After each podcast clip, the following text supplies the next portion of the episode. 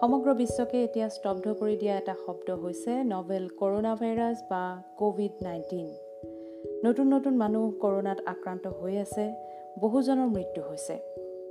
গতিকে এই সময়ত আমি অতি সতৰ্ক হৈ থকা দৰকাৰ সাৱধান হৈ থকা দৰকাৰ। কিন্তু আতংকিত হোৱাৰ কোনো প্ৰয়োজন নাই।